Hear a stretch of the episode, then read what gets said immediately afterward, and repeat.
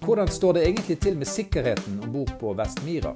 En ny alvorlig hendelse denne helgen. Riggen er satt på pause nok en gang. Hei og velkommen til Energi24 sin podkast. Mitt navn er John Økland. Fredag så fikk jeg en e-post, et tips om en ny alvorlig hendelse om bord på Vestmira. Vi sjekket saken i helgen og fikk bekreftet hva som hadde skjedd.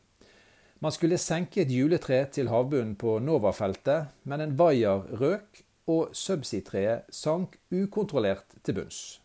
368 meter uten kontroll mot havbunnen. Heldigvis eh, så kom ingen mennesker til skade, og en ROV ble sendt ned for å undersøke hvordan det sto til på havbunnen. Det var ingen lekkasjer, men eh, boreoperasjonene er selvfølgelig stoppet på riggen. Dette er langt ifra første gang det skjer det vi kaller en uønsket hendelse om bord på Vestmira. I fjor sommer så innførte faktisk Wintershall DA som leieriggen en timeout pga. flere eh, HMS-hendelser om bord. Da var det meldt om elleve hendelser siden oppstart høsten 2019. Den pausen varte i ca. en uke. Siden den gang så har tallet mer enn doblet seg. De elleve uønskede hendelsene er nå minst 23 hvis vi inkluderer helgens juletrehendelse. I Energi24 sin database har vi full oversikt over alle hendelsene som er meldt inn siden riggen startet å bore. Eh, det er hendelser i flere kategorier og med ulik alvorlighetsgrad.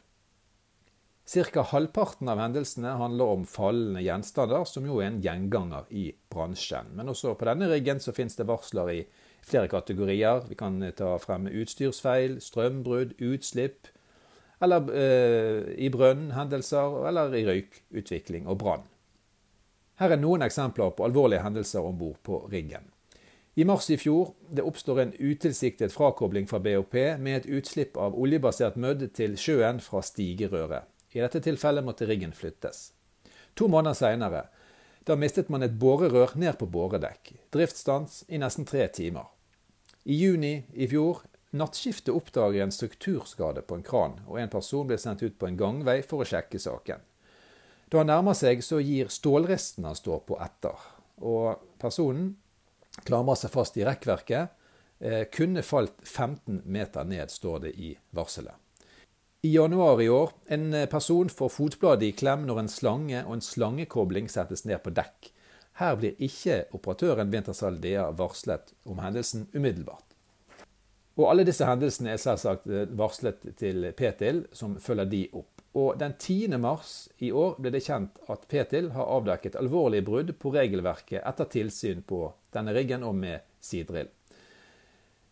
Riksselskapet får da to pålegg og trues med tvangsmulkt på 50 000 kroner per dag.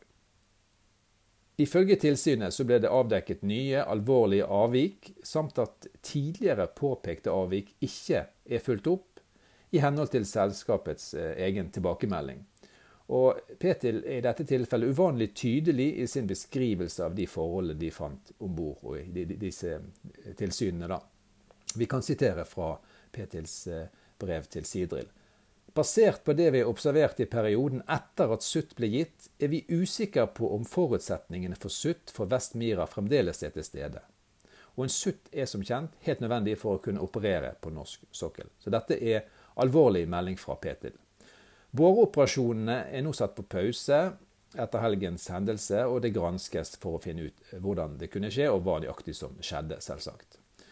Eh, forrige gang så ble det innført en eh, pause på en ukes tid for, før de restartet riggen. Vet altså har kontrakt på Vestmira til første kvartal neste år.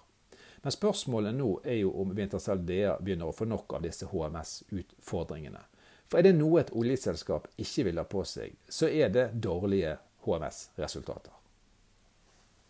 Vil du ha full oversikt over eh, alle uønskede hendelser om bord på, på, denne riggen, alle varslene som er lagt inn, så kan du sjekke ut vår eh, database, som du finner via nettsiden vår energi24.no.